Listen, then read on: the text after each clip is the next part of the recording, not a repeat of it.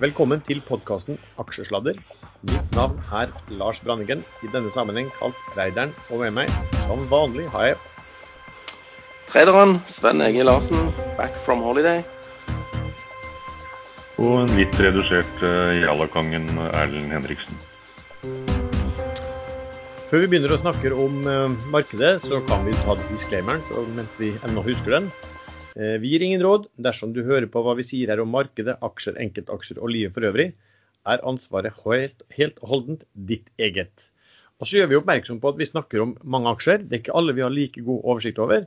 Så det innebærer også at den informasjonen vi gir her, kan være feil, rett og slett. Den er bra. Men eh, og hvis dere hører noe museklikk eller noe sånt, så er det ikke mus i hus. Det er kun jeg som holder på på PC-en. Vi fikk en klage på det her for eh, litt tid tilbake, at det var litt mye museklikking. Det er altså meg. Er vel, det er vel flere av oss for å si det sånn, som uh, følger litt med på. For vi liker å spille inn mens markedet pågår. Og da ja, følger vi litt med på hva som kommer av nyheter. Og det skjer tidvis at vi trader mens vi snakker også. Det blir litt mer dynamisk, føler jeg. Gjør det, vet du. Dessuten, når vi spiller vi inn i helgen, så har vi stort sett glemt hva som har skjedd i uken. Er det ikke slik det er? Jo, vi pleier å risette på fredagskvelden. Erlend Arnøy, som har vært eh, programleder en periode nå, han er ikke med oss i dag. Skuffende. Eh, han eh, er på ferie og befant seg et godt, hadde dårlig nettverk der han var. Han måtte da kjøre et godt stykke for å komme til et sted hvor det var godt nok nettverk. Og da måtte han sitte inn i bilen sa han, og, og spille inn. Hva, hva synes vi om den innstillingen til en så viktig jobb, folkens? Nei, jeg synes Hvis han har lyst noen gang å bli tatt opp som et fullverdig medlem av panelet, så må han vise litt dedikasjon, altså. 20 minutter av livet ditt for å kjøre bra, der det er bra dekning eller bra nettverk.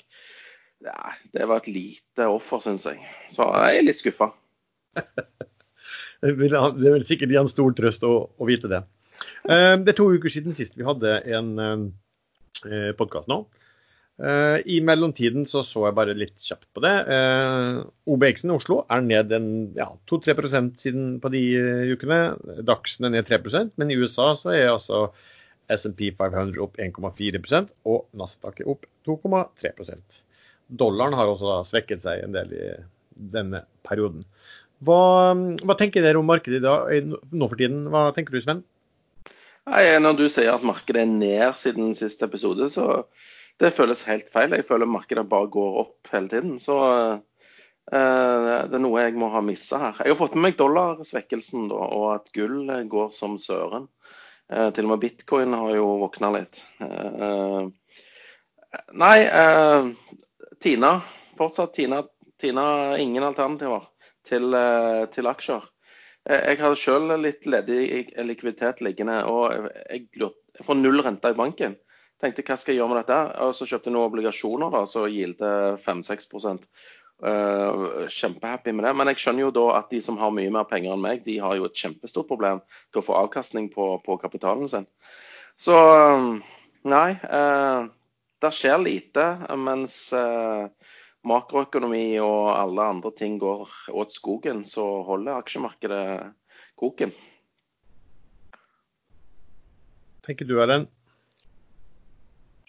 Ja, jeg, jeg, er jo fremdeles like negativt uh, som grunnsyn. Uh, det er da koronapandemien som ligger under og ulmer hele tiden. Og smitteøkningen i Europa har vært ganske voldsom. Fra helt åpent Europa, bortsett fra noen land nede på Balkan og den veien så er det nå flere som stenges ned. Belgia er stengt. Spania er stengt for nordmenn å reise til. Det kommer flere etter, og det går veldig fort. Um, denne doktor uh, Briggs, var det det hun het? Burks. Burks. Burks ja.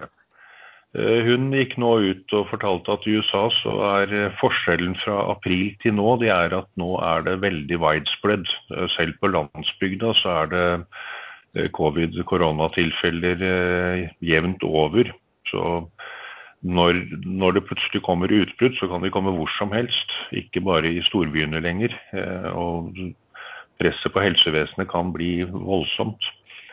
Så det, det er Fauci gikk og sist uke ut og sa at det viruset her er ekstremt smittsomt. Det har man jo sett. Det ser ikke ut som at det har blitt noe farligere foreløpig, men det har ikke blitt noe mildere heller. Så jeg tror det med valgkampen i USA midt oppi alt dette her, hvor Trump skal prøve å vinne og åpne opp og redde økonomien oppi dette her, så tror jeg han gjør vondt veldig mye verre. Eh, så smellen kommer eh, før eller siden. Eh, det er ikke sikkert den blir så veldig stor før valget, men det kommer til å bli desto større etter valget hvis de klarer å late som at verden er normal fram til da. Men resultatsesongen altså for Q2-tallene, vi er jo godt i vei og over for mange selskap. Den har vel egentlig vært kanskje litt bedre enn fryktet? Det har han vel, men det har vært veldig sektorforskjellig. Altså, du har teknologi eh, og shopping, og spesielt e-commerce. da. Eh, folk har sittet hjemme og klikka og fått varer levert. Det, sånne type sektorer har gjort det veldig bra. Tech-sektoren har gjort det veldig bra. Så har du da hotell, reiseliv, eh, fly eh, og den gjengen der. De har gjort det ræva dårlig, som seg hører bør. Så det er veldig differensiert på hva type sektor du er i. Men de store selskapene som drar indeksene, det er jo tech-selskap i USA. Og fem stykker av de som gjør det bra på inntjeningsfronten, så, så går jo indeksene. Og, og, det er happy days. Happy birthdays. Men, eh, men eh, ja, jeg var ikke helt ferdig. På Oslo Børs òg så har vel de store selskapene gjort det helt OK. Eh, de har vel gjerne dratt ned forventningen litt i forkant, men de har jo for det meste innfridd. Men nå begynner vel det er vel makroen som kanskje akkurat nå også um, dominerer litt. Det kom jo en sånn, eh, det ble enighet om en sånn stor sånn tiltakspakke i EU. Uh, eh, og man diskuterer vel noen sånn nye makropakker i USA. Jeg, jeg så liksom statistikker på det i USA. Så I USA så har det vel liksom vært gitt en sånn ekstra utbetaling til arbeidsledige. Uh, og de er vel oppimot 30 600, 600 dollar i uken. Ja, og det, tils, og det, tilsvarer 18 milliarder dollar i uken. Ja. Og det, det, som viste seg, var jo da at jeg tror det var sånn at 68% av mottakerne tjente, fikk mer penger mellom hendene enn når de jobbet. Når de ikke jobbet. Og medianen var, 34, var at de hadde 34 mer, mer penger. Eh, så så akkurat den, den pakken i USA jo, har jo vist seg å være ekstremt viktig for kjøpekraften. Altså at store deler av befolkningen har altså fått, mye, eh, fått bedre råd. Eh, under, den, er jo, den er jo drepen for småbedrifter som ikke klarer å ansette folk, for de vil ikke gå tilbake i fast jobb når de tjener mer som arbeidsløse. Mm. Og Det er vel det republikanerne sier nå i, i diskusjonen om en ny pakke også. Eh, så sier jo de også at vi, vi kan ikke gi så, så, høye pakker at eh, folk ikke har lyst til å, å jobbe. Um, mens demokratene vil vel fortsatt fortsette med disse her 600 dollarene i uken faktisk ut, ut året. Og det er kanskje de som sitter med i valgår så sitter man gjerne med trumfen av de som, de som vil ut med mest mulig penger. For det er jo ingen som bryr seg om noe budsjettunderskudd lenger. Nei, det, det, er to ting som er viktige for mannen i gata i USA. Det er denne her uh, arbeidsledighetstrygden. Eh, og så er det det moratoriumet på eviction, altså utkastelser. Eh, begge de to tingene har utløpt, og det er veldig viktig for republikanerne å videreføre i hvert fall dette her med at folk ikke kan kastes ut når de ikke betaler leia si. Så Jeg så en statistikk på, på, folk som leier i USA. og Opp mot 40% av de som leier i forskjellige stater, eh, står i fare for å bli kasta ut pga. mangel på betalt husleie. Så det, det, er faktisk et stort underliggende problem der borte. Bare at eh, eh politikerne har stoppa liksom, eh, prosessene. Disse politikerne klarer ikke å bli enige om den nye pakken heller. og En av grunnene er at uh, det tror jeg er ganske standard i USA. Demokratene vil hive inn andre ting i den pakken som ikke har noe som helst med den pakken å gjøre. Uh, men det vil også republikanerne. Trump uh, hadde visst forlangt at FBI skulle få penger til et nytt hovedkvarter. Så at ikke de klarer å holde seg til saken. Det er vel to uker siden de arbeidsløse ikke fikk penger lenger. Nei, jeg tror det utløp nå på fredag, faktisk. Det stemmer. Det var helt i slutten av juli. Men, men det er jo sånn vanlig, vanlig eh, trekking mellom, mellom, partiene. Og så kommer de helt sikkert Det vil være utrolig overraskende hvis de ikke blir enige, og de kommer til å bruke eh, betydelig mer enn hva republikanerne har, eh, har, foreslått. For sånn er det jo at det er jo litt demokratene som sitter med trumfkortet her når, når eh, Trump er, i, mm, er president. Eh, og, og det, er hans, det er hans regjering som styrer. Så vil jo, hvis de ikke blir enige, så, så er det jo gjerne den som sitter på toppen som, eh, som får bleimen for det. Eh, som, som, nok gjør at demokratene kommer til å holde, holde, hardt på sitt. Eh, men det gjør jo også at de kommer nok til å vinne fram med mye. Og da kommer det fortsatt store ja, pengeoverføringer da, til privatpersoner i USA. Det kommer fortsatt til å skje. Hva skal vi da si om altså, makroen her? Vi har jo vært litt inne på det før også. men liksom, når man begynner å oppsummere på kanskje hva som har skjedd litt under covid, så har det nesten blitt sånn at staten har tatt regningen og på en måte reddet i stor grad i hvert fall bedrifter i, i, i, en del næringer, reddet de og reddet økonomien til privatpersonene. Så det er litt sånn følelse kanskje at sånn uh, happy go lucky, altså det er sånn Goldilocks, der, der staten kan låne så mye som den vil, ingen bryr seg, og de pengene fører de ut til ja, bedrifter, privatpersoner. Eh, og alle føler seg rikere og børsen går. Er det, er det liksom en, en, sånn tankegang dere også har, eller? Ja. Så, så, lenge pengene kommer, så er det vel samme hvor de kommer fra, Hvor de kommer. Så eh, antall eh, personer i USA som har åpna aksjehandelkonto er vel òg eh, all time high. Og, altså, folk får mer penger, og da bruker de det de har til overs til å spekulere litt på børsen, og indeksene går, og alle er happy. Så ulmer det litt med at uh, antall dollars i omløp øker jo kraftig. Og en eller annen gang så skjer det et eller annet. Når tid det blir, det er det ennå ingen som vet. I Norge ser vi allerede på NAS-kursen, Norwegian, at veldig mange av disse nye nye aksjetrederne, eh, småaksjonærene som har kommet inn, og de velger gjerne den type aksjer. NAS var jo i 320 kroner, klart den skal tilbake dit, tenker de. Eh, den bryter snart under to kroner. Og det er veldig mange av disse eh, småinvestorene som har gått inn på kurser på både tre og fire kroner i den. Ja, nei, Det kommer jo bare en milliard nye aksjer den niende om seks dager. det. Så jeg håper at Avanza, Nordnett, eh, Danske Bank, Svedbank, eh, Saxo Bank og alle de andre bankene har eh, rike kunder som kan opprettholde sin, sin eierandel. For det kommer masse nye aksjer. Ja, for der kommer det jo Det var altså nå i litt om en ukes tid, så kommer det Da blir det fristilt. For, for sånn var det jo at eh, i den emisjonen som ble gjort, så, så ble det altså konvertert et stort, store milliardbeløp om til aksjer. og Det er litt jeg kaller sånn ufrivillige aksjonærer. Det var altså aktører som var långivere, men som var nødt til å konvertere over til, til eh, aksjer som en del av, av redningspakka. Og de aksjene som disse långiverne har fått, de eh, får de ikke lov å selge. Eh, eller fikk ikke lov å selge med en gang. De har fått lov til å selge litt. Grann, men den store bulken, og det er vel ca. 3 milliarder som gjenstår, Eh, Riktig, det stemmer det. Ja, og de skal ja, det, det, har blitt en del mer, det har blitt en del mer, fordi det er en del långivere som har konvertert nå underveis. Eh, stemmer det. og de har bare fått lov å selge en liten del av det. Så det er, det er noen hundre millioner aksjer til. Noen flere hundre millioner aksjer til som kommer. Men sånn i det store og hele så er det vel sånn at det var 1 milliard aksjer frigis eh, til salgs nå 9.8. Og så var det den neste milliarden kommer i oktober, eller? Ja, 9. oktober og 9. Ja. Riktig. Og, og, den siste bolken kom i august? Nei, i desember? Unnskyld, desember? Det er niende i de månedene det gjelder. Annenhver måned.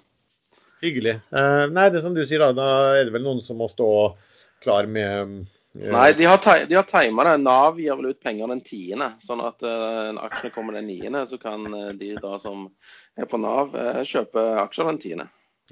Men hvordan har uh, shorting Er det noen som setter på shorting i Norwegian, da? Uh, når det kommer sånne jeg, jeg, har, jeg, jeg, har, mast på de jeg kan mase på, eh, som kan skaffe meg aksjer til låns. Og hver gang er, svaret det samme. Nei, dessverre. Det finnes ikke aksjer til, eh, til låns. Og så men tok jeg eh, og snakket litt eh, i dybden med min gode megler i Pareto i dag. Og han tok og sjekka det opp, ringte inn til der hvor det kan lånes aksjer, og spurte hvorfor. Det finnes jo så mange utestående aksjer. Hvorfor er det ikke mulig å få lånt inn noen? Eh, nei, eh, det er fordi at det kun er retail og långivere som eier aksjene. Eh, og Långiverne har jo tenkt å selge de, og i hvert fall ikke tenkt å låne de ut.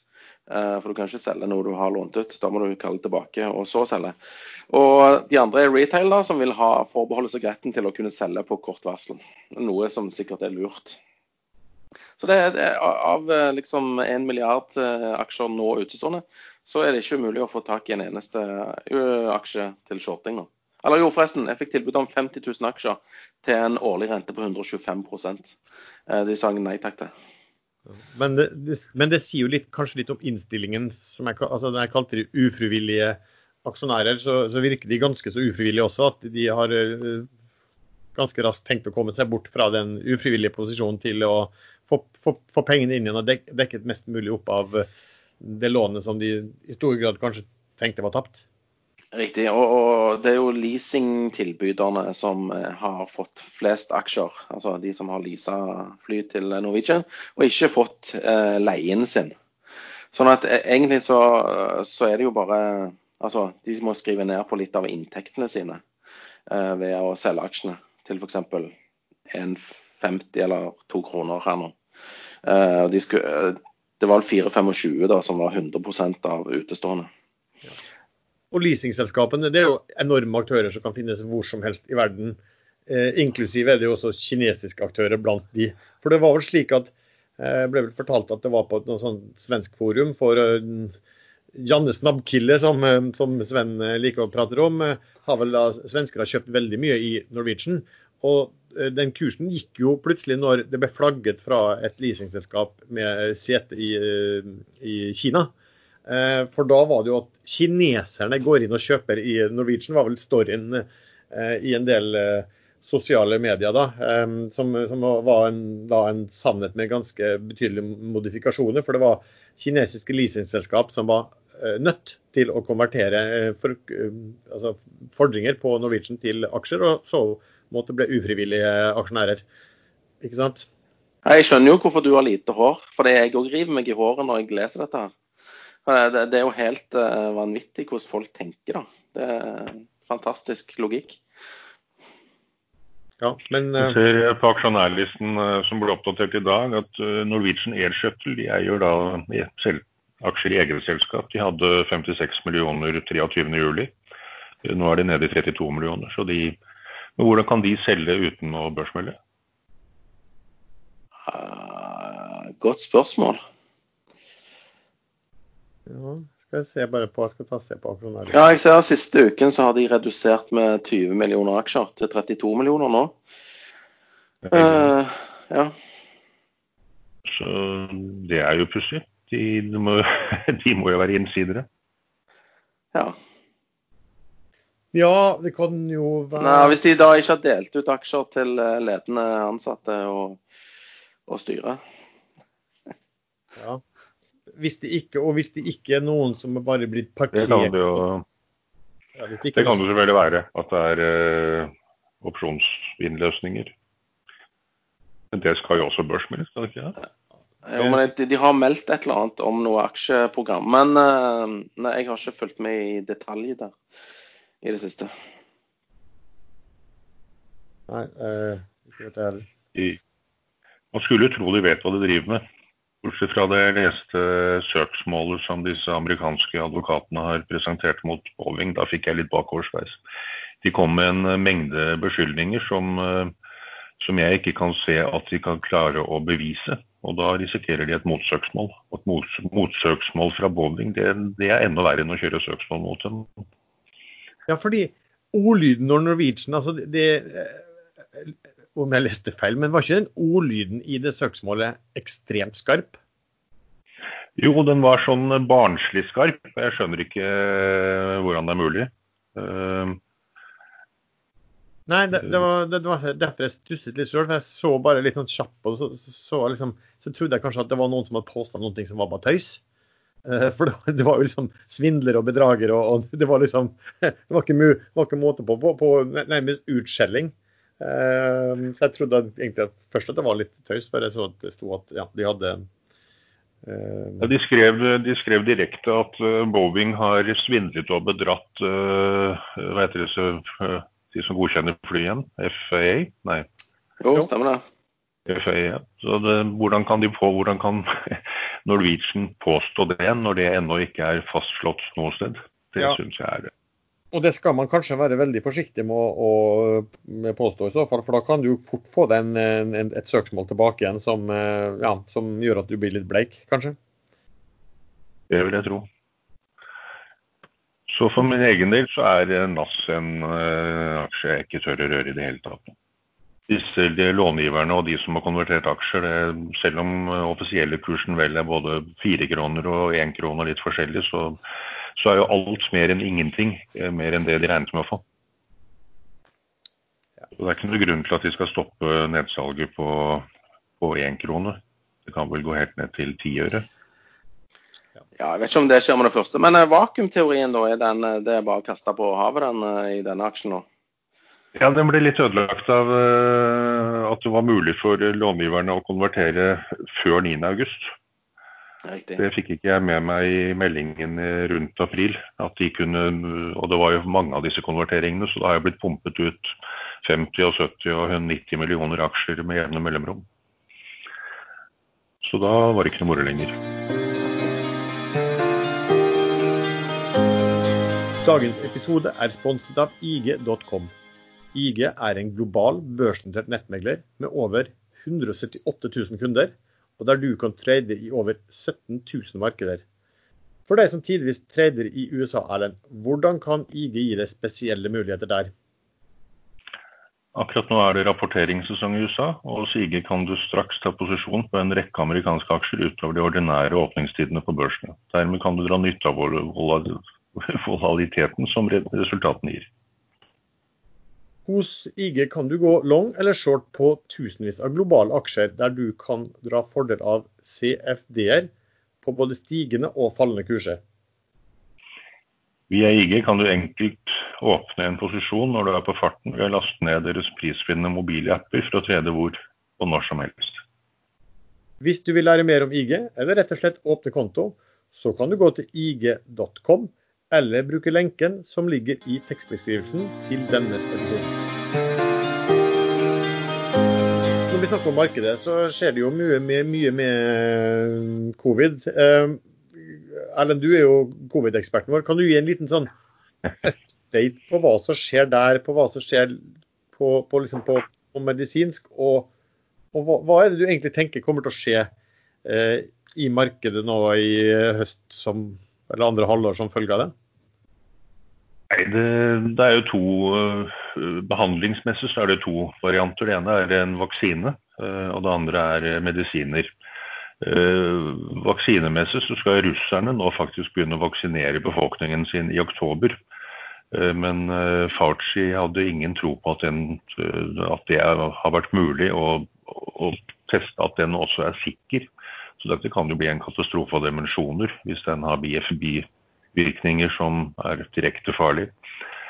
Eh, ellers så Farci har vel rykket mer og mer lenger og lenger ut i 2021 før han tror det er en vaksine tilgjengelig i, i større grad. Men kanskje helsepersonell litt før.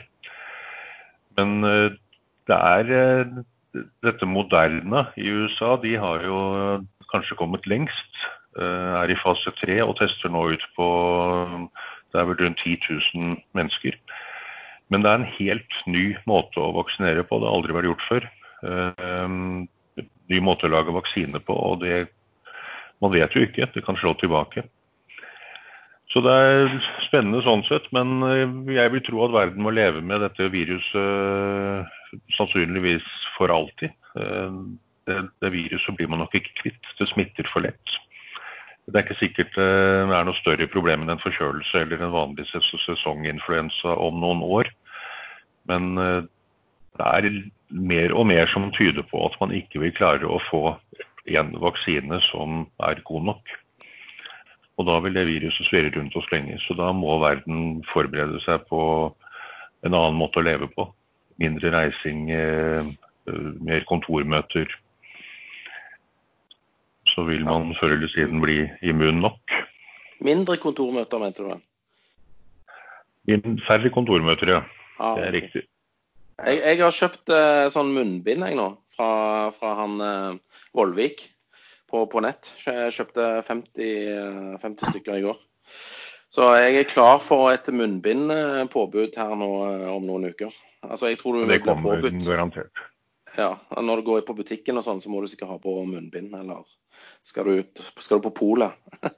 Hvordan ser det munnbindet ut, ut av Spenn? Er det sånn Nei, det er sånn hvitt, trelags, eh, og som er sånn strikt du tar bak ørene. Det ligner på vanlig munnbind. Ja. Han har jo fått beslaglagt alle de der fake-munnbindene som han kjøpte til å begynne med. Så jeg regner med at det er ekte varer han selger nå. Jeg har ikke fått de i posten ennå, men eh, de, de kommer vel i løpet av uken. Jeg skal oppdatere dere på fortreffeligheten eh, ved en senere anledning. Ja, det må du gjøre. har du- Nå gikk bilalarmen til naboen her. Beklager det. Ja, vi hører ikke den. Nei, det er bra. Jo, jeg hører den. Jeg går i mute en liten periode. Takk for meg. Men fortsatt, du, Erlend. Hva, hva, men hva, hva tenker du da her vil, vil liksom medføre på markedet? En ting er at det vil påvirke en del sånn enkeltindustrier. Um, ikke sant? Uh, type sånn Ja, man, eh, man ser jo nå Hurtigruta. De var jo da verdens første cruiseselskap som uh, fikk lov å kjøre en tur. Og så gjør de alt feil. Jeg fatter ikke at det er mulig. Eh, De hadde mannskap fra Filippinene. Det kunne for så vidt vært fra hvor som helst, men det er veldig mange filippinere som jobber til sjøs på, på skip. Eh, På Filippinene er korona ute av kontroll. Det må ledelsen i Hurtigruta ha vært klar over. At det viser seg nå, var vel en amerikansk nyhetskanal som fant ut at man, det er lett enkelt å kjøpe falske negative tester på Filippinene. Eh, Det burde man også ha tenkt seg. Så disse sjøfolkene de kom da til Norge med fly på en eller annen måte om bord i båtene. eh, Og skulle da være i ti dagers karantene på båtene, men de fikk lov å gå rundt blant resten av mannskapet og passasjerene. De fikk lov å jobbe helt vanlig på båten, så de var i karantene sammen med flere hundre gjester på to forskjellige båter. Det er jo helt vilt. Så her syns jeg, eh, syns jeg Hurtigruta-ledelsen burde få seg en ordentlig smekk. Dette er jo kriminelt. Det burde etterforskes. Det blir kanskje ikke, jeg vet ikke om De har fått noe, de var ute etter noe statsstøtte og hjelp på lånesiden og sånn også. så ja, Om de fikk det, det husker jeg ikke. De gjorde det vel egentlig. Men det er, eh, det er klare lover og regler. Smittevernlover er veldig strenge. Eh, Når man har noen som er i karantene om bord på en båt, så skal man selvfølgelig, selvfølgelig ikke slippe dem ut blant gjestene. Eh, Det tror jeg ikke man trenger å fortelle dem engang. Det er bare sånn det er. Nei, men de, de får jo sin naturlige straff nå, da. For det er jo ingen som har lyst til å dra på hurt- Hurtigruta nå lenger. Nå er altså Nei, Nei, dette er jo en internasjonal historie. Alle vet jo om dette i USA, så det er ingen som har lyst til å dra på en eneste cruisebåt eh, Nei, nei, nei. neste år, sikkert. ikke sant? Kanskje litt, kanskje litt tøffere til dem å be myndighetene om eh, hjelp. når de, For nå, her, her blir det jo litt altså en ting, Jeg har jo sympati med de som har bedt om hjelp fordi at de har fått nedstengt businessen sin. Men jeg har jo ikke så veldig sympati med de som får lov til å starte opp businessen sin, men, men som ikke klarer å eh, følge allmenne regler og, og sunn fornuft. Da får de jo skylde seg sjøl og, og ta den smellen på egen hånd. Enig. Sånn må det jo nesten være. Men, men bølge to, altså igjen Erlend. For du, du sier du er skeptisk til markedet. Hva er det som vil eh, Hva og når tror du det her vil liksom vise seg i et marked? I, altså, da tenker jeg på, på, børsen generelt. Kanskje ikke Jeg ser at det kommer i enkeltaksjer, men da tenker jeg liksom på generelt på børsen. Nei, eh, Forrige uke så leste jeg at biltrafikken i Europa var allerede igjen på vei til å reduseres pga. økt smitte og økte reisebegrensninger. Eh, Og når biltrafikken reduseres, så reduseres jo aktiviteten i alle som server bilbransjen, og det er jo en ganske stor bransje. Koa Coa f.eks. De kunne sikkert vært et godt kjøp nå hvis eh, biltrafikken hadde gått opp generelt over hele verden.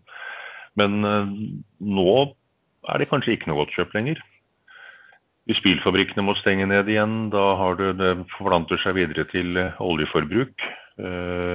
Da kan man plutselig få mye olje som må lagres på tankpotter igjen, så kanskje det blir det neste store. At tank kommer tilbake fortere enn man trodde nå. Så jeg tror at det blir ny lockdown. Uh, ganske widespread i hele verden. og da stopper det nok mye mer opp denne gangen enn forrige gang. Men det kommer til å være veldig stor politisk motstand mot å gjøre det. Og det kommer til å være stor motstand mot i befolkningen. Så hvordan det går, det aner jeg ikke. I USA ser man jo delvis hvordan det, hvordan det går når, når, befolkningen er misfornøyd. Så de våpnene de har der borte, de har vært eh, dratt med på demonstrasjoner og konfrontasjoner allerede fram til nå, men de har ikke blitt brukt. Men plutselig blir de brukt. Hva da? Men eh, så kan man jo si altså, nå, nå, vet jeg ikke helt hvordan det er. og Bølge to er jo, eller kanskje vi bare skal kalle det for bølge én. For, fordi at det har jo ikke vært liksom, noe veldig nedgang i f.eks. i USA, der har det bare flyttet seg fra, fra stat til stat. Men spørsmålet her er vel da altså Hele årsaken til at man har gjort godt for en lockdown, er jo å beskytte helsesektoren. ikke sant, Og unngå å få at, at helsesektoren blir uh, overwhelmed, da, som de sier på engelsk. Uh, at, at uh, man ikke har kapasitet lenger, og da ikke, ikke kan behandle covid-pasienter forsvarlig. Men heller ikke andre pasienter også. ikke sant, fordi at det har jo vært snakk om at antall døde av hjertesykdommer og alt har gått opp, for folk har ikke villet oppsøke eh, legekontor i den perioden der. Men, men, så hvor alvorlig En ting er vel smitten men, i, i, nummer, men det mest alvorlige, eller det man kan se mest på, er vel kanskje hvor, hvordan det ligger an med kapasiteten i, på, på, sykehusene. har du noe oppdatert på det, Erlend? Det, det syns jeg er litt pussig. Jeg har ikke hørt noe som helst uh, i Norge f.eks. om uh, antall ICU-plasser er økt kraftig i denne perioden. Det, det, har jeg egentlig tatt som en selvfølge at det vil skje, men jeg har ikke hørt lest noe sted. Uh, om vi har nok PPE-utstyr, heter vel, ansiktsmasker og visir og alt det helsepersonell trenger. Jeg aner ikke om vi har nok av det. I USA vet man at de ikke har nok. Uh, de hadde vel bestilt noe sånt som 300 millioner eh, ansiktsmasker som skulle leveres eh, innen utgangen av året. Men når det bor 330 millioner mennesker i et land, så, så er jo det en dråpe i havet. Men hvis, hvis, jeg, men hvis jeg, sier sånn, da, hvis du tror på et, en, en, liksom en, et lite børskrakk i høst som følge av covid, eh, sånn som sentralbanken og de ulike regjeringer nå eh, opererer, EU, USA, der eh, underskudd på statsbudsjettet eh, ikke spiller noen rolle. Eh, fordi at de bare kan trykke nye penger, og, og landet kan bare låne til tilsvarende omtrent 0 rente. Og, de, og, sagt, og, så lenge sentralbanken nei, begynner å eie mer og mer av lånene, så, så på et tidspunkt vil de jo slippe å betale det tilbake. Det er jo nesten å betale seg selv. Så per definisjon sant, så har de trykt penger. Eh, kan ikke de demme opp noe enormt godt Eh, for, mot, mot en sånn covid-nedstengning. At de, de, de, sørger for at det kommer nok penger ut til eh, befolkningen uansett. Jo, jeg ser at det er det som skjer, men jeg må ærlig innrømme at jeg ikke skjønner at dette skal være mulig. Eh, en eller annen gang må det jo stoppe og, og reverseres. Eh, og hvordan skal man klare å reversere det? Da er vi jo inne på Det er vel litt sånn eh, Nå har vi snakka om din Black Swan eh, som vi hadde i januar, som traff perfekt. men Sven sin Black Swan var jo gjeldskrise.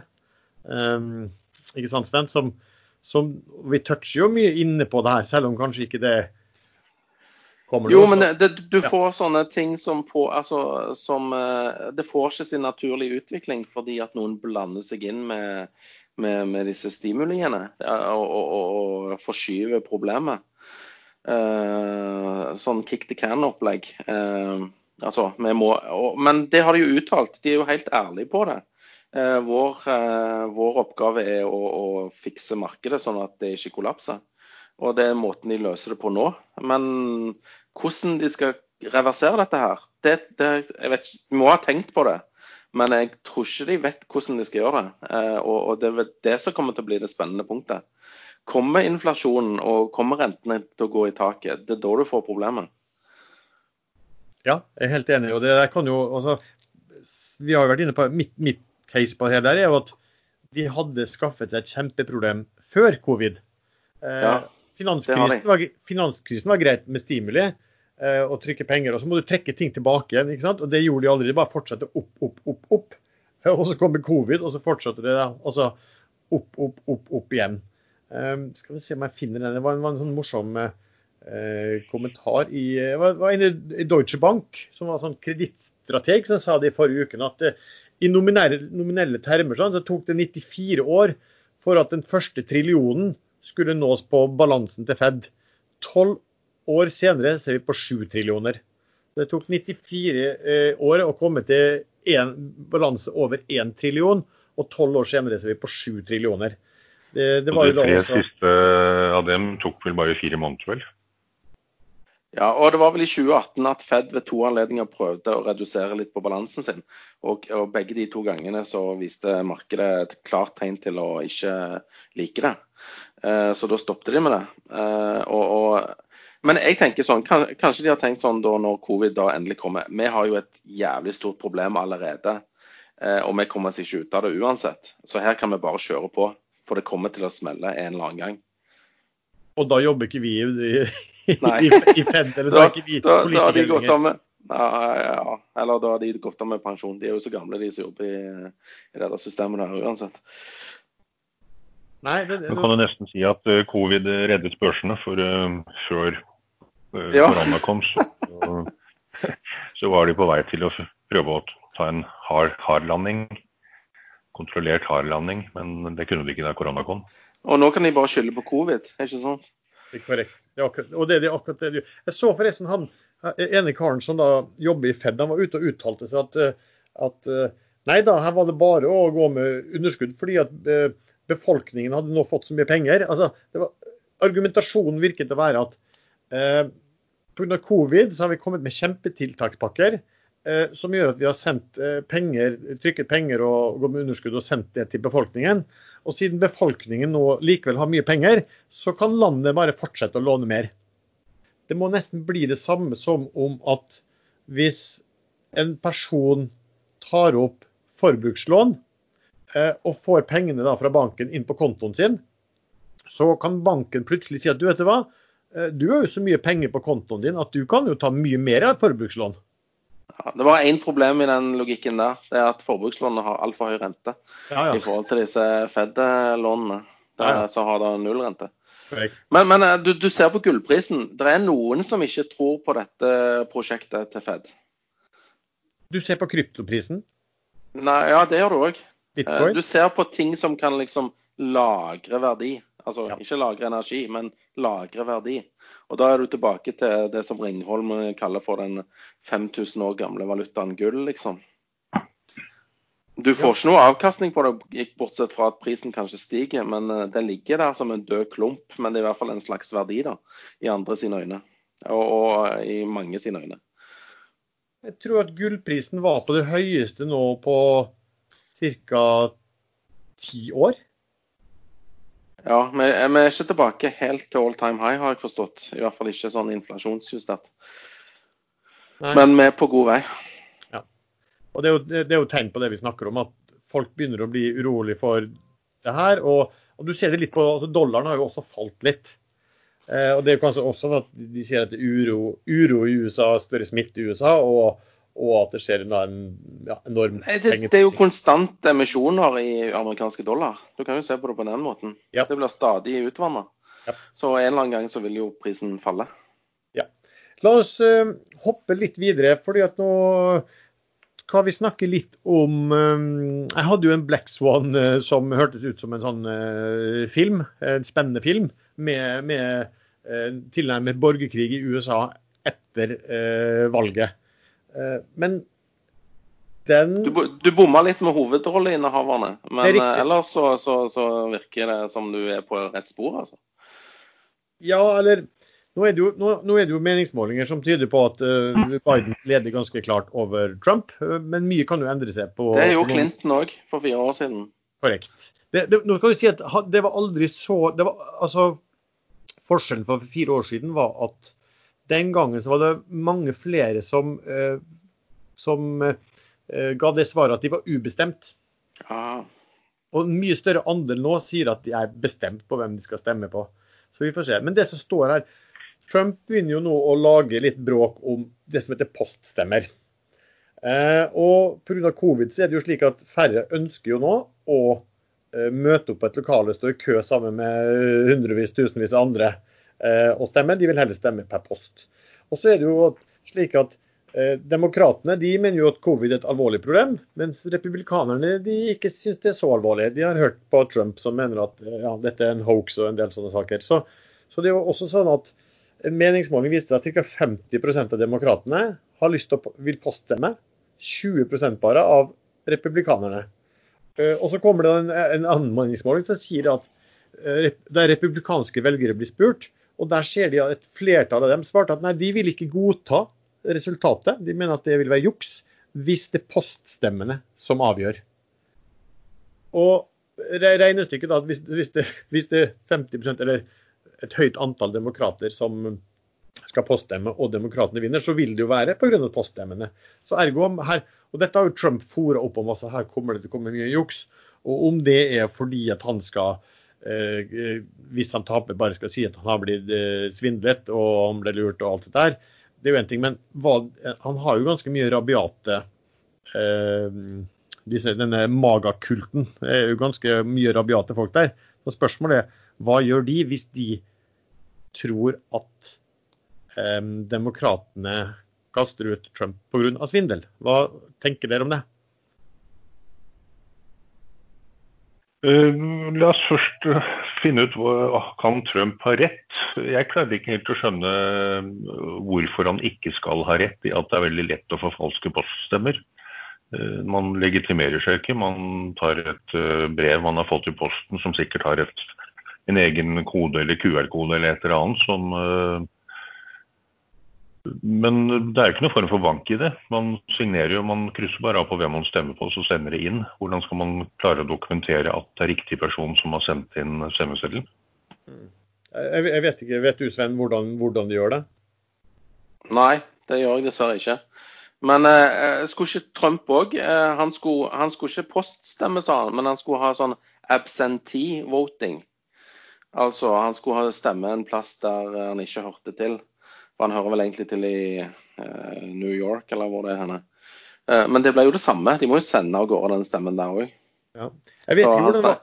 Ja, men det, det, jeg vet at de gjorde en undersøkelse etter 2016-valget, og um, der de fant knapt nok noen stemmer som, um, som, var, som var, svindel.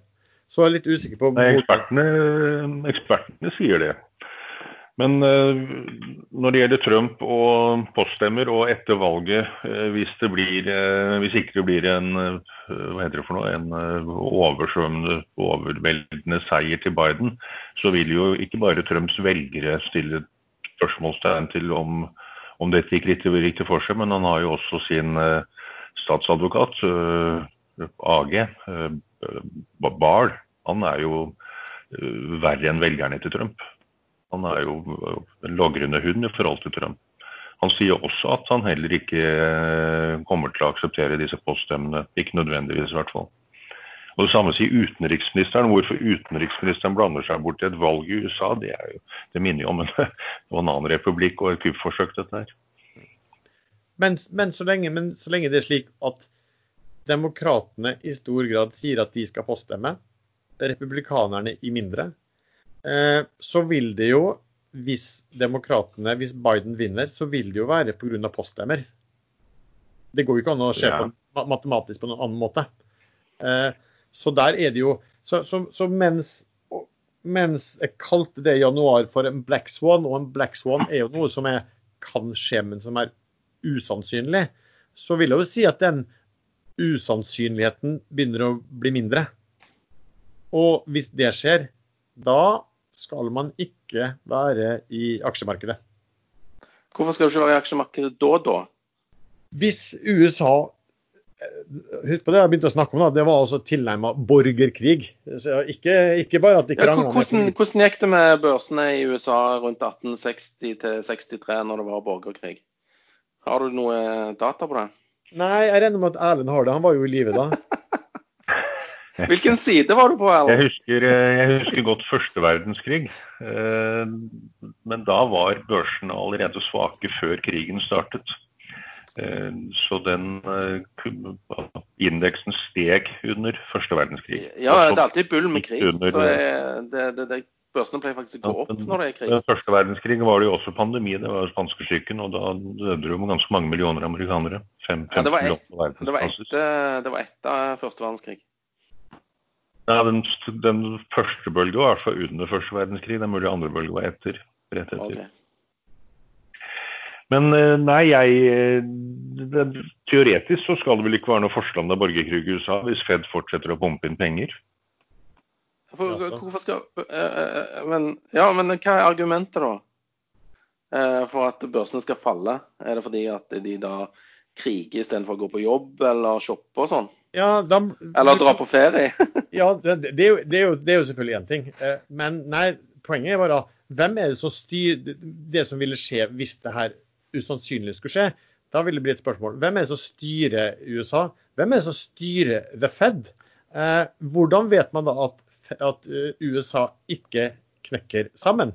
For å, nå, nå er det sikkert litt sånn katastrofegreier, da, men jeg har jo sånn tese at hvis det fortsetter sånn som nå, hvor halve befolkningen forholder seg til andre nyheter og fakta enn hva den andre halvparten gjør, og de, nærmest, virker som nærmest hater hverandre, så, så ser jeg jo for meg at det landet kan fort, i løpet av 2020-tallet blir splittet splittes opp. Ikke sant? Eh, Det er vel mer den typen der. altså Hvis man begynner da å trekke og betvile at dette landet kan bestå som en enhet. Eh, Men vi er kanskje veldig far-fetched ute her på Nei, det, ikke, det trenger ikke være det. det. Det kan jo være at det, er sånn Fed ser eh, sin vei ut av dette her. Eh, hvis de er veldig, veldig kyniske. Men hvis du, Sven, satt og eide da amerikanske statsobligasjoner, og du så det begynte å komme en borgerkrig i USA, og hvor den ene, hvor California sier at dette landet her skal faen ikke vi tilhøre lenger, vi blir egen land. Hva, hva, hva, og, og hva, hva vil du Hvem skal gjøre opp gjelden? Nei, det er jo det jeg sier. Kanskje Fed har funnet ut at dette er faktisk den letteste veien ut av eh, gjeldsproblemet vårt. Vi splitter opp i, eh, i stater som blir land, liksom. Eh, totalt kaos, og all gjelden bare forsvinner. Og eh, Kina må skrive ned. Eh, Det er, ikke, det, er ikke, det er vel ikke bare i Kina, du ville vel fått et sånt dollarfall? Altså, du, du, du ja, mulig dollaren ville falt litt, ja. Mulig det. Så jeg tror vel eh, i hvert fall Jeg ville i hvert fall vært oppmerksom eh, på den. Det er vel eh, Akkurat nå så, så er det jo nesten altså det, det, er jo, det er jo nesten skremmende at det som ble litt, litt sagt på fleip, begynner å bli eh, noe som presidenten omtrent begynner å eh, nærmest egge til. Ja, altså leste jeg Eller jeg så et chart som eh, Jeg tror det var Ringholm som posta det på Twitter. En reservevaluta sin levetid er ca. 100 år eh, opp gjennom historien. Du har hatt liksom eh, britiske pund og span eh, hva det heter for noe? Eh, portugisiske escudos og spanske pesetas og den gjengen der. Varte ca. 100 år hver gang. Så dollaren begynner vel å nærme seg 100 år nå. Så da er det vel på tide med noe nytt, da. Da blir det kinesiske rim, rimbini, er ikke det det betyr? Eller euro, da. Vi kan jo håpe på det. Men skulle, men skulle vi få en sånn, en sånn ting på uh, sånn, litt sånn katastrofesituasjon etter USA-valget, um, så vil jo din Black Swan smelle inn også, Sven. Uh, Nei, det er min, min kommer aldri til å slå inn, for det, liksom, eh, da forsvinner all gjeld, og så var det problemet vekke. Ja, hvem eier hvem, hvem skal du gå til for å, for å få de pengene tilbake? Å ja, er det sånn følgefeil? Er det det? Sånn dominoeffekt du snakker om nå? Ja, Den kan man gjerne snakke litt om. ja, Dominoeffekten. ja, det er vel heller det at den, om den kommer eller Ofte er det jo frykten som er verst, ikke sant? Ja.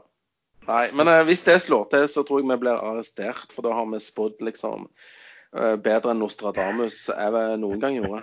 Ja, Da mangler det bare at det kommer et altså, da mangler det vel egentlig bare at det kommer et godt gammeldags eller nytt datavirus, sånn som Erlend Arnøy har spådd. Det kommer aldri til å skje.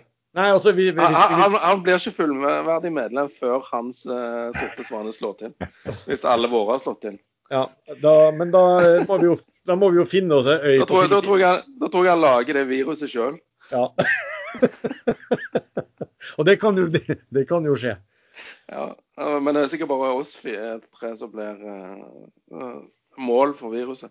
Ja, vi blir vel, ja, vi, men vi blir vel lynsja. Vi må finne oss et eller annet skjær ute på Filippinene eller et eller annet sånt for å komme oss unna. Nå tror jeg det har kommet uh, virus inn på aksjesladder her. Nå begynte, nå begynte vi å ro oss langt, langt, langt ut på, på et skjær. Det er sant. Kanskje vi skal uh, skifte litt samtaleemne. Eh, gå på et enkelaksje. Bergen Bio. Der har det jo skjedd, det har jo vært en sånn traderyngling, og vi snakket litt om det i den spesialepisoden vi hadde om biotek. Eh, Erlend, hva, hva er det som har skjedd i Bergen Bio? Bergen Bio er jo to ting. Det ene er jo kreftmedisinen Bemcentinib, eh, som de utvikler i forskjellige studier. Så den ligger jo hele tiden under som en sikkerhet mot altfor stort fall. Men de var jo med på dette akkordstudiet i UK, og så viser det seg at eh, UK har fått altfor god kontroll på smittespredning, så de klarte ikke å innrullere nok pasienter til forsøket, så nå har de stanset det forsøket i, London, i UK. Eh, Men de meldte samtidig at de ligger i forhandlinger med andre land som har mye smittespredning, om å starte et tilsvarende forsøk i ett, et av disse landene. Og det kan vel være at de starter i flere land, men det, det ligger nok noen uker fram. Eh, om Bergen Bya må betale dette selv. og eh, Sånne forsøk koster jo fort eh, noen hundre millioner kroner, men de, de har jo sånn sett pengene til det. Eller om det er det de forhandler om nå, at disse landene skal overta kostnadene. og Det er jo ganske naturlig at de gjør.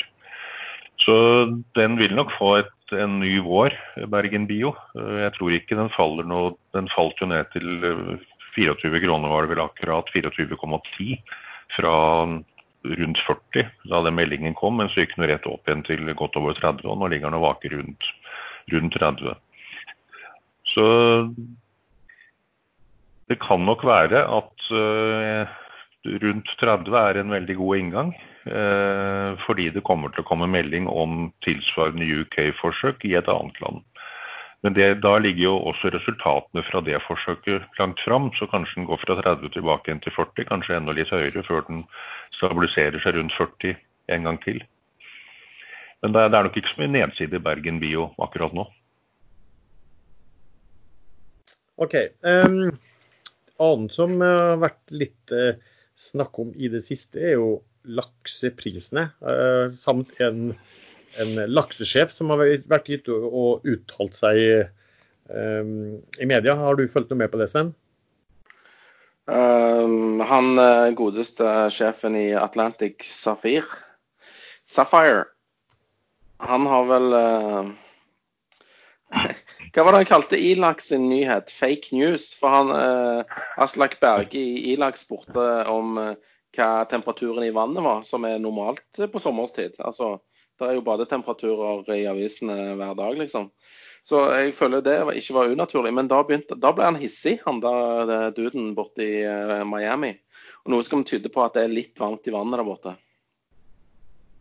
Og han skjeller ut og står i. Jeg syns det er et varseltegn når det gjelder det selskapet der. fordi at eh, de meldte jo nettopp om litt problemer og stressa laks og alt dette her, og at de måtte kvitte seg med eh, hvor, mye, hvor mye var det? 200 Ja, det var mye. Det var over 60% av all etterveksten, var det ikke det? eh, jeg, jeg, ser på den Ilaks og det er snakk om at de måtte slak, nødslakte 200 000 fisk. Eh, og så lurer jeg på altså, at de hadde ikke slaktekapasitet tilgjengelig, så to tredjedeler av den fisken eh, måtte bare destrueres også. Eh, Det er litt rart rart de ikke har slaktekapasitet når de ikke har begynt å slakte ennå. De skulle jo egentlig slakte innen Q2, og nå er det innen Q3. Så eh, de har eh, noen problemer der borte, og jeg tror ikke de sier alt. Nei, for det, for det var vel at, at anlegget, altså de holdt på å bygge opp anlegget. for jeg, jeg så også at På den Ilaks-artikkelen så var det også en sånn spesialinspektør i Mattilsynet som var ute og skrev på Twitter at eh, fisken som settes inn i uferdig anlegg, må betale prisen. Um, så, så det var vel at de holder på å bygge, og de er vel et sånt selskap som er fortsatt litt i utviklingsfase. da. Eh, men det er vel priser nå til en 6-7 milliarder på, på, på børsen.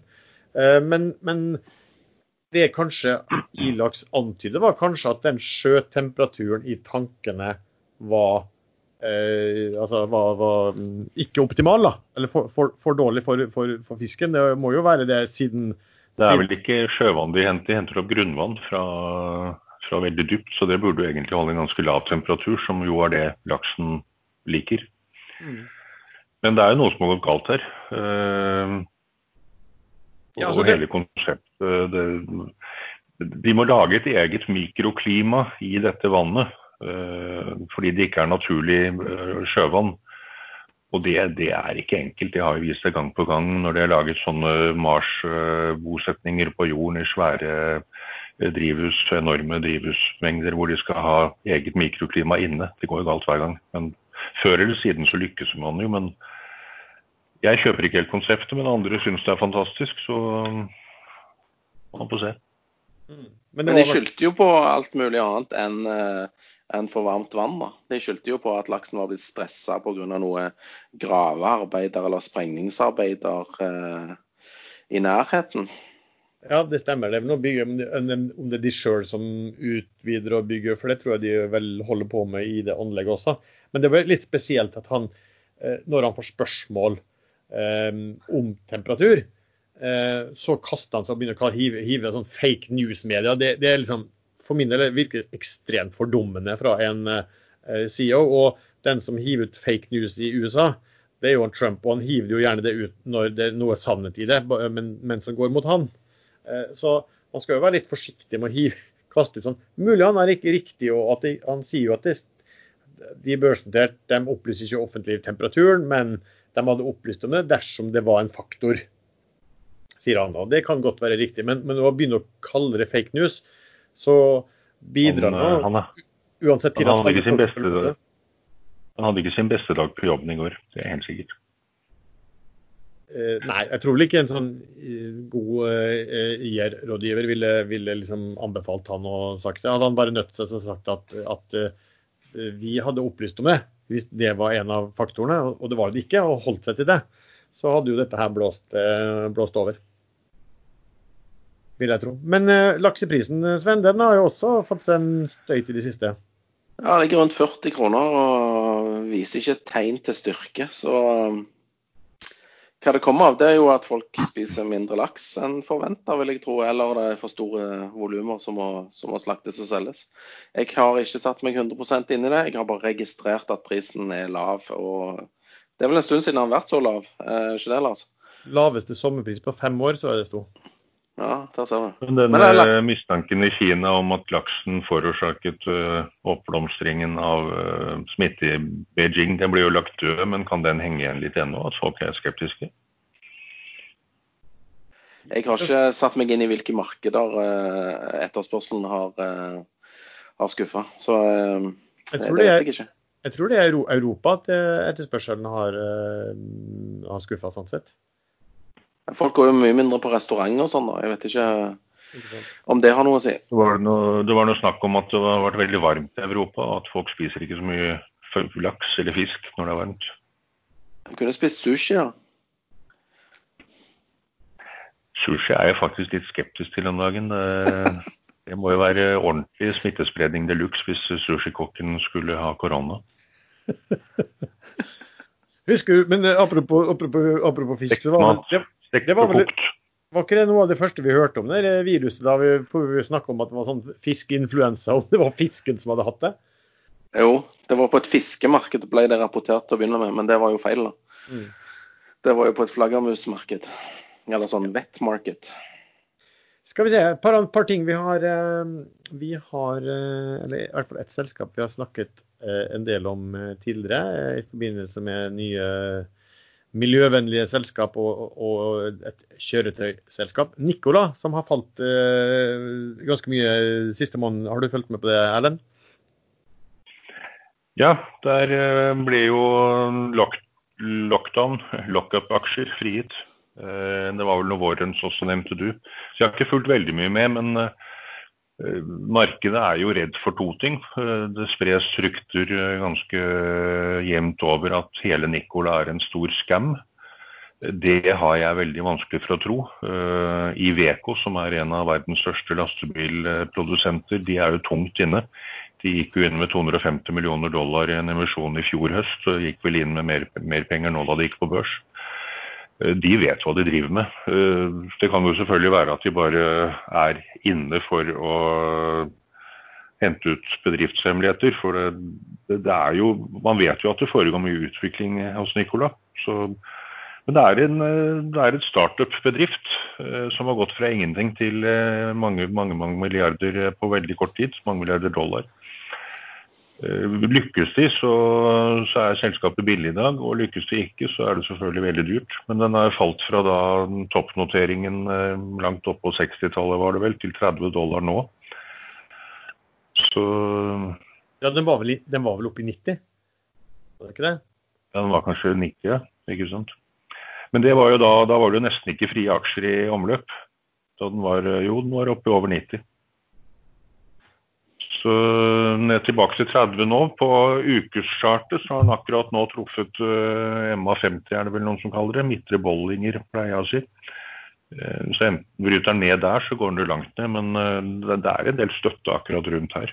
Bollinger, det er champagne, det? Det også. Ja, det, det er Hvis han hitter midtre bollinger, da er det bare å sprette korken. Jeg bare, jeg bare drikker på. Ja, ja. ja da går han rett opp igjen. Men Fortsett du, Erlend. Ja, nå falt han, han ut. Eh, Nicola-sjefen, Trevor Milton, han tar jo ikke ut lønn. Han tar lønn og styrehonorar og alt han får i aksjer. Det gjør også ganske mange andre i ledelsen i selskapet. Eh, så at de har tro på det på en eller annen eh, måte, det er jo ganske tydelig. Da, men da, og når alle disse aksjene ble frigitt, da sa han at nå får vi bare avvente og se hvor mange som virkelig skal selge. Han mente at det ville på langt nær være alle som skulle dumpe ut. Men da er spørsmålet, har eh, han eh, Milton og de i ledelsen har de solgt aksjer selv? Det vet jeg faktisk ikke. Jeg tror kanskje Trevan Milton solgte noen aksjer i forbindelse med IPO, men det er ganske vanlig at man når man har vært gründer og bygget opp noe sikkert tatt opp lån og at man eh, henter ut en 20-30 millioner dollar så man har litt lommepenger til bollinger. Det må man få lov til. Ja da, jeg bare tenker på, altså Det er lett, kanskje lett å ha lav lønn hvis du har kjempeopsjoner og alt der, og kan selge aksjer og gjøre deg selv til god for noen hundre millioner kroner. Men Nicola, var, vi en, en, en, vi tok jo det opp i en tidligere aksjesladder. Da lå jo kursen jeg tror kursen da lå på noen og 60.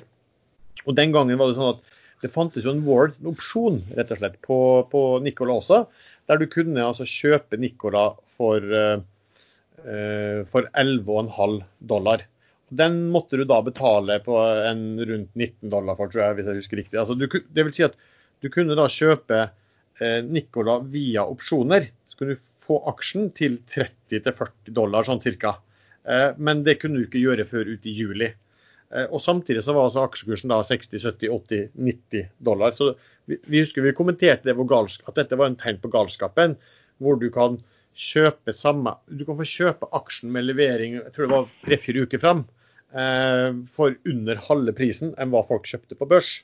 Eh, og nå har jo da um, disse blitt frigitt sånn at de, de, som sitter på disse warrantsene, da kan omgjøre de til aksjer. Eh, og da har disse to nærmet seg hverandre. Så i dag så er jo da den, den Nicola Warrants på 18,5. Det vil si Hvis du legger på 11,5 på det, da, så, det, så, så prises den til 30 dollar. Prises aksjen til 30 dollar, mens selve aksjen er på 32 dollar. Så de er nesten like, mens de var da en enorm sprang mellom de mm, tidligere. Så, så, her var det vel Skal vi si at det var matematikken som, eh, som uh, gjaldt på nytt. Ja, så nå er jo en del løse tråder løstet, uh, nøstet opp. Eh, det du nevnte der er jo nå vel ute av verden delvis. Og de, alle lock-up-aksjene har blitt sluppet løs. Så nå får man jo se da hvordan markedet fortsetter å verdsette dette selskapet. De kommer jo snart med Det er sånn type selskap som kommer med mange news fremover. De har jo samarbeid med Bosch om fuelcell-motoren, og de har vel hatt noe prøvekjøring nå av en fungerende bil. Så jeg tror det er en god opsjon på framtiden. Man ser hvordan, hvordan Tesla prises. Men Tesla har vel et ferdig produkt? Eh, det har ikke Nicola. Nei, men de har eh, Ja. Nei, vi får se. Det er, øh, å kalle det en scam syns jeg er å gå for langt. De, de har gjort altfor mye av Kommet med altfor mange delresultater til at det kan være en ren scam. Men de, Det er ikke sikkert at de lykkes, men skam er det ikke. De prises vel i dag sånn til ca. 100 milliarder norske, hvis jeg bare ser på, på Yahoo. 10,8 milliarder dollar er prisingen på det. Men jeg, vet, jeg tror ikke det, det inngår altså disse warrants og sånn, så reelt sett er det nok en god del høyere enn det. Så for å si sånn, det, det er priser til ganske store, for å si det mildt, eh, forventninger. 10,8 milliarder norske kroner, ja.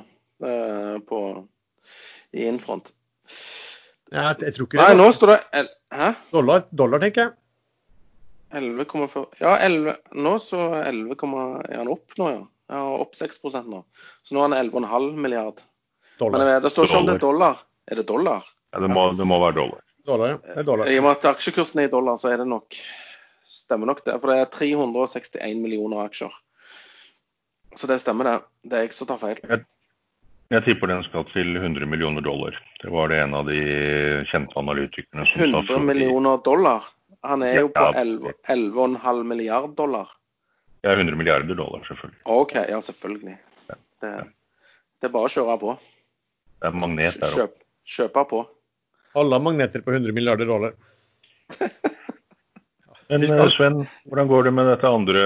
Nikolai gikk jo også på børs via et sånn uh, tomt skall med, med, noe cash. Hvordan går det med ditt selskap? Nei, det ligger jo helt og Altså, det ligger der og vaker. Det skjer ingenting. Vi venter på uh, at noen skal sende inn noen papirer, sånn at uh, fusjonen kan gå sin gang. Uh, det heter forresten HCCH. HCCH. HL Acquisitions, som skal slå seg sammen med Fusion Fuel i, i Portugal. Så vi venter. Det skjer lite. Ukas tips vet du, skulle vært årets tips. Det, det, skjedde ikke noe på en uke, og det har ikke skjedd noe på fire uker heller. Men det er vel, alle venter vel på at den skal gå igjennom, da?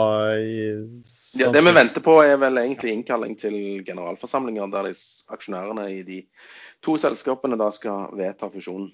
Det er Først da så, så vil det skje noe, tror jeg. da.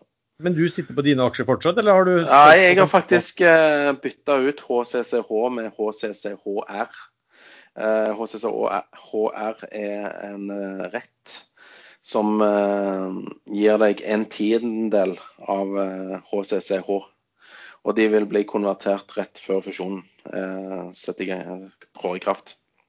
Mm. Men den verdi, den er verdiløs hvis de ikke blir av, eller? Jeg, jeg, har ikke satt meg 100% inn i det, men verdien på den vil falle mye hvis ikke den fusjonen går igjennom. Det, dette er en rett som er basert egentlig på en aksjekurs på 11,5 dollar i, i, før i tiden. Men Så da er du tilbake. Er det sannsynlighet for at fusjonen ikke går igjennom? Det er jo alltid en viss risiko. Eh, men sånn som jeg tolker uttalelsene til eh, både management i Fusion og i HL Acquisitions, så tyder det på at de er rimelig committa til å få, få til dette. Så jeg, Det var derfor jeg valgte den, da, i og med at da får du HCCH til seks 6 dollar istedenfor eh, 10,5 dollar. Men selvfølgelig risikoen er mye høyere å sitte i, i rettene enn i aksjen. Anbefales ikke. Nei, men det, når du sier det, så kan vi jo gå over til et fast bolk vi bruker å ha, som heter uh, ukas tips. Uh, har du noe tips, Sven? Eh, jeg har funnet tilbake til en eh, gammel, eh, gammel kjærleik. Ruster ikke, bortsett fra hvis det er rigg, da. De har jo en tendens til å ruste. Men null, har dere hørt om den før? Ja, den som, den som gå mot null. Han har gått mot null òg. Han er bånda rundt fem kroner. Er nå på seks kroner. Det, det, som er litt spesielt med null, da, det er jo at de har to rigger, og begge de riggene er på rate. Den ene får vintershall ute i Nordsjøen, og den andre, Bolstad, ligger på standby-rate ut forbi Bergen og skal på full ratejakt fra 1.10. Sånn at Der har du et riggselskap med to rigger på kontrakt, og det er veldig sjeldent i, i dagens marked. Uh, grunnen til at den ligger fortsatt på seks kroner, det tror jeg er den mest forhatte sektoren i hele verden for øyeblikket. Uh, hvis ting går etter planen, så tror jeg den aksjen vil ta av hvis regnskapene viser at de faktisk får penger fra oljeselskapene. Noe som de da burde få, hvis de gjør en OK jobb. Så jeg tror jeg, en, uh, ja, Fortsett. Uh, nei, jeg tror egentlig at enten så går han til null, eller så mangedobler han seg. Den nyheten som kom i går, var det vel, eller foregårs, eh, om uh, koronasmitte på en sidrill-rigg som medførte at riggen måtte stenge ned. Uh, ja, de må jo isolere seg, og, og du kan ikke opprettholde en normal operasjon hvis halve riggen hoste, liksom. Ikke sant. Men dette var jo noe som ikke skulle skje, hvor de hadde rutiner for at uh, karantene osv. skulle forhindre dette. Nå har det allikevel skjedd. Ja, Det var vel en av de som uh, var på det samme flyet som disse som skulle på Hurtigruten. Uh, kanskje. Ja, nei, Problemet er jo hvis det sprer seg. Hvis det viser seg at det er rett og slett umulig å forhindre smittespredning til sånne installasjoner. De har jo ikke noe annet valg enn å stenge ned. Ellers så så må du stenge plattformen til alle er eh, sånn som du gjorde med cruiseskipene. Men det, man ser at det sprer seg bare videre når det først kommer et sted. Ja, altså det er risiko eh, for dette her i alle sånne eh, holdt på å si stengte miljøer. Hvis én har det, så får jo alle det. Mm. Men, men, uansett, det, det var null, null, null, null. Uh, ja, jeg, jeg syns bare at uh, hvis det ikke er et kjøp nå med liksom to kontrakter og eh, riggkrise, altså en industri i krise der det ikke har vært mindre rigger i arbeid før. Eh, altså Det er så negativt nå, og disse har kontrakter. Eh, hvis du skal velge noe riggreier, så må det bli null, altså. Ja, men aksjonærene velger tydeligvis hvor. Uh, ja, den, den stiger jo. Ja, men jeg tror veldig mange ikke vet hva null er for noe. Men, uh, og Bård Drilling har jo vært mye i media med, med trøbbel, trøbbelet til Trøheim osv. Og, og, og den stiger jo hver gang det kommer en liten nyhet. Sånn som i dag eh, meldte de om et par pissekontrakter til 21 millioner dollar. og Jeg vet ikke hvor mye markedcapen er opp på den kontrakten som de garantert ikke tjener noe penger på uansett. Så, men eh, nei, den går jo hele tiden. Så det er jo mye morsommere å være i en aksje som, eh, som beveger seg, enn å være i null, da, som bare ligger der som et dødt lik. For Borr har jo blitt litt sånn trading-favoritt ja. også. Du store volumer, og det, det, gjør jo at det blir greed og, freed, greed og fear går litt sånn ja, om, om, hverandre i den aksjen der. Da får du ja. store, store utslag også. Men Nol er vel ikke noe særlig, har ikke vært noe særlig likvid i. Vi har jo vært, jo vært innom den før. Ja. Nei, eh, no, men jeg, jeg, sånn valu, altså, valuation-messig så syns jeg eh, jeg klarer ikke å holde meg unna. Beklager. Nei, det er, lov. Den, er den langt, hvordan, hvordan, ligger den i forhold til all time low, uh, Nola? Har den rekulert noe særlig? Ja, Gått 20% fra bunnen. da. Bunnen var fem, og nå er han på seks og noe. Det kom en melding om ny konvertering, eh, mellomkonvertering i NAS mens vi snakket her. Det var resten av et opprinnelig lån på 150 millioner US dollar som er nå ferdig konvertert til aksjer. Du Daren, har du noen tips? Ja, det er jo gamle, gode gamle Berge Gert Larsen. Eh, Petrolia-selskapet hans, PSE, som tikker. Eh, som er med på denne boringen til Neptune ute litt nord for Trollfeltet. Hvor de meldte hydrokarboner i den første brønnen og vedtok å kjøre et sidesteg. Og der kjører de gjennom det samme feltet for å finne vannkontakt som de ikke fant i den første brønnen. Si, de har ikke meldt at de ikke fant vannkontakt i den første brønnen, men de skrev i årsrapporten at eh, de skulle bore sidesteg hvis de ikke fant vannkontakt. Så det er litt logisk at det, det var åpent nedover. Og da borer de også gjennom en annen formasjon på veien som heter sjøpølse, så dette kan jo bli dobbelttreff eller ingenting. Men det, Sjøpølse. men det der sjøpølse og, og Berge Gert Larsen og BSE, det var vel tipset ditt for to uker siden? Ja, men de har ikke meldt ennå. Riggen er fremdeles på plassen. Den skulle vært fjernet eh, litt før utgangen av juli, rundt 20.-25. juli kanskje. Men den er der ennå, så dette er det tar lengre tid, og det kan jo være hundreårsaker. De kan jo ha knukket boret, eller eh, de har støtt på gass og det er høyt trykk, eller hva som helst. Men det kan også være at de har funnet så mye olje at de, at de må skrive om verdenshistorien. Nei da. Ja. Følelsen min er at dette er et godt kjøp, men jeg har ikke så mye igjen der nå. Jeg har tatt ut mesteparten av sikkerhetsgevinsten.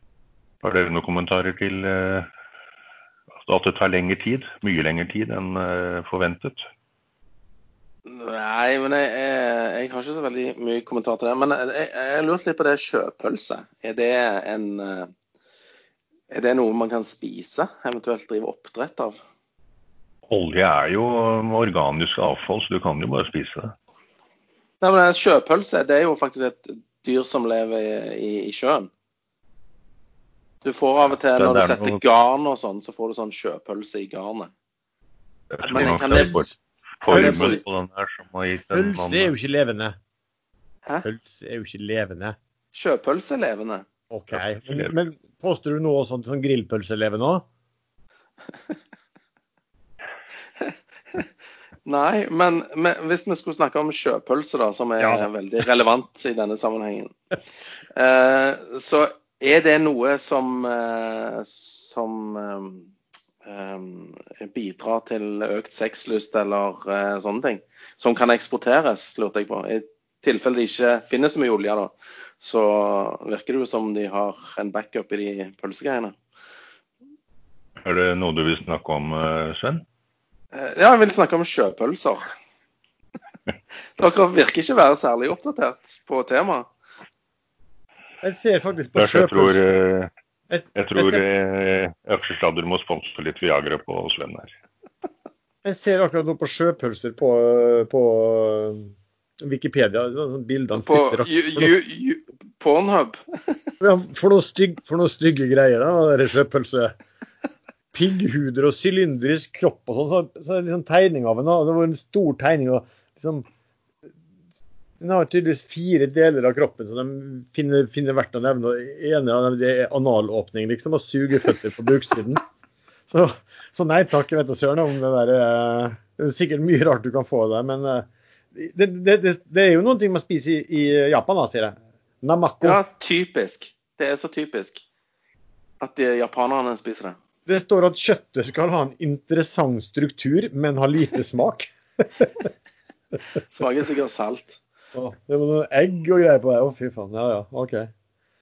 Ja, ja. Nei, men eh, det er sjøpølse Er det en egen struktur, så heter det, eller var det et eget, egen lisens?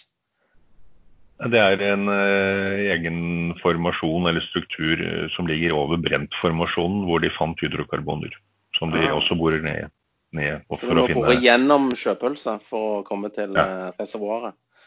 De valgte i hvert fall å gjøre det for å teste den ut. OK. Ja, Så- spennende. Jeg tror det er spennende, men uh, mitt uh, tips denne uken er Har du- skal du ha to? Denne uken. Nei, det, det var bare en opp oppfølging av forrige oh, ja, episode. OK. Ja, ja. Nei, beklager. Det er dette gamle selskapet som eh, var vel Kyllingstad som tapte mange titalls millioner på IOX. Som var Nei, nei, nei, nei, nei, nei, nei. Han tapte på Noreco. Aha. Hvem var det som tapte på IOX? Eh, mange. Til jeg òg har tapt på, på den. Nei, men eh, det, det var noen andre. Det var når de drev på i Peru og, og, og Colombia. Nå holder de fortsatt på Colombia, men ikke i Peru, da. Det var en eh, Han ble faktisk fengsla og eh, alt mulig her. Han som var styreleder når jeg eh, holdt på med, med IOX. Mm. Det var, det var Nå er det vel kun en norsk kvinne i styret, og så er det resten er colombianere og argentinere, er det vel. Storeiere som har hatt også en del lån inn til selskapet, bånd- båndeiere. Og det som har skjedd nå, er at for andre gang så har de vedtatt å konvertere eller utsette konvertering av bånd på ganske gode betingelser for resten av aksjonærene. Så Første gang de gjorde det, så kunne de uten å blunke satt konverteringskursen til ti øre, men de valgte å sette den ganske høyt. Så det selskapet, det, er noe rart med det.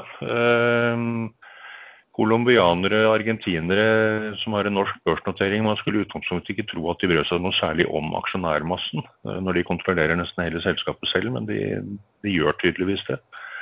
Så kursen ligger nå på rundt to kroner, var vel nede i rundt 80-90 øre, eller kanskje enda lavere da smellen i mars.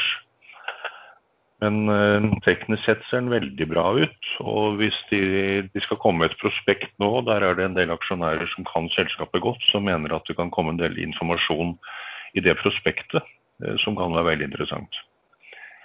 Men du, Erlend, du, er ikke, du er ikke redd for at når dette selskapet er dominert av aktører, som du sa, fra Argentina og Colombia, som, som ikke har særlig mye med aktører i Oslo å gjøre, vil jeg tro, du er ikke redd for at de syns det er hyggelig å ha med seg eh, norske aksjonærer og alt det som er med å sponse Gilde. Og den dagen det blir noen verdier der, så, så eh, dikterer de betingelsene som gjør at eh, ja, verdi, jo, det var jeg jo redd for i, helt fram til de faktisk konverterte disse båndene på en kurs som var veldig hyggelig for resten av aksjonærene. Mm.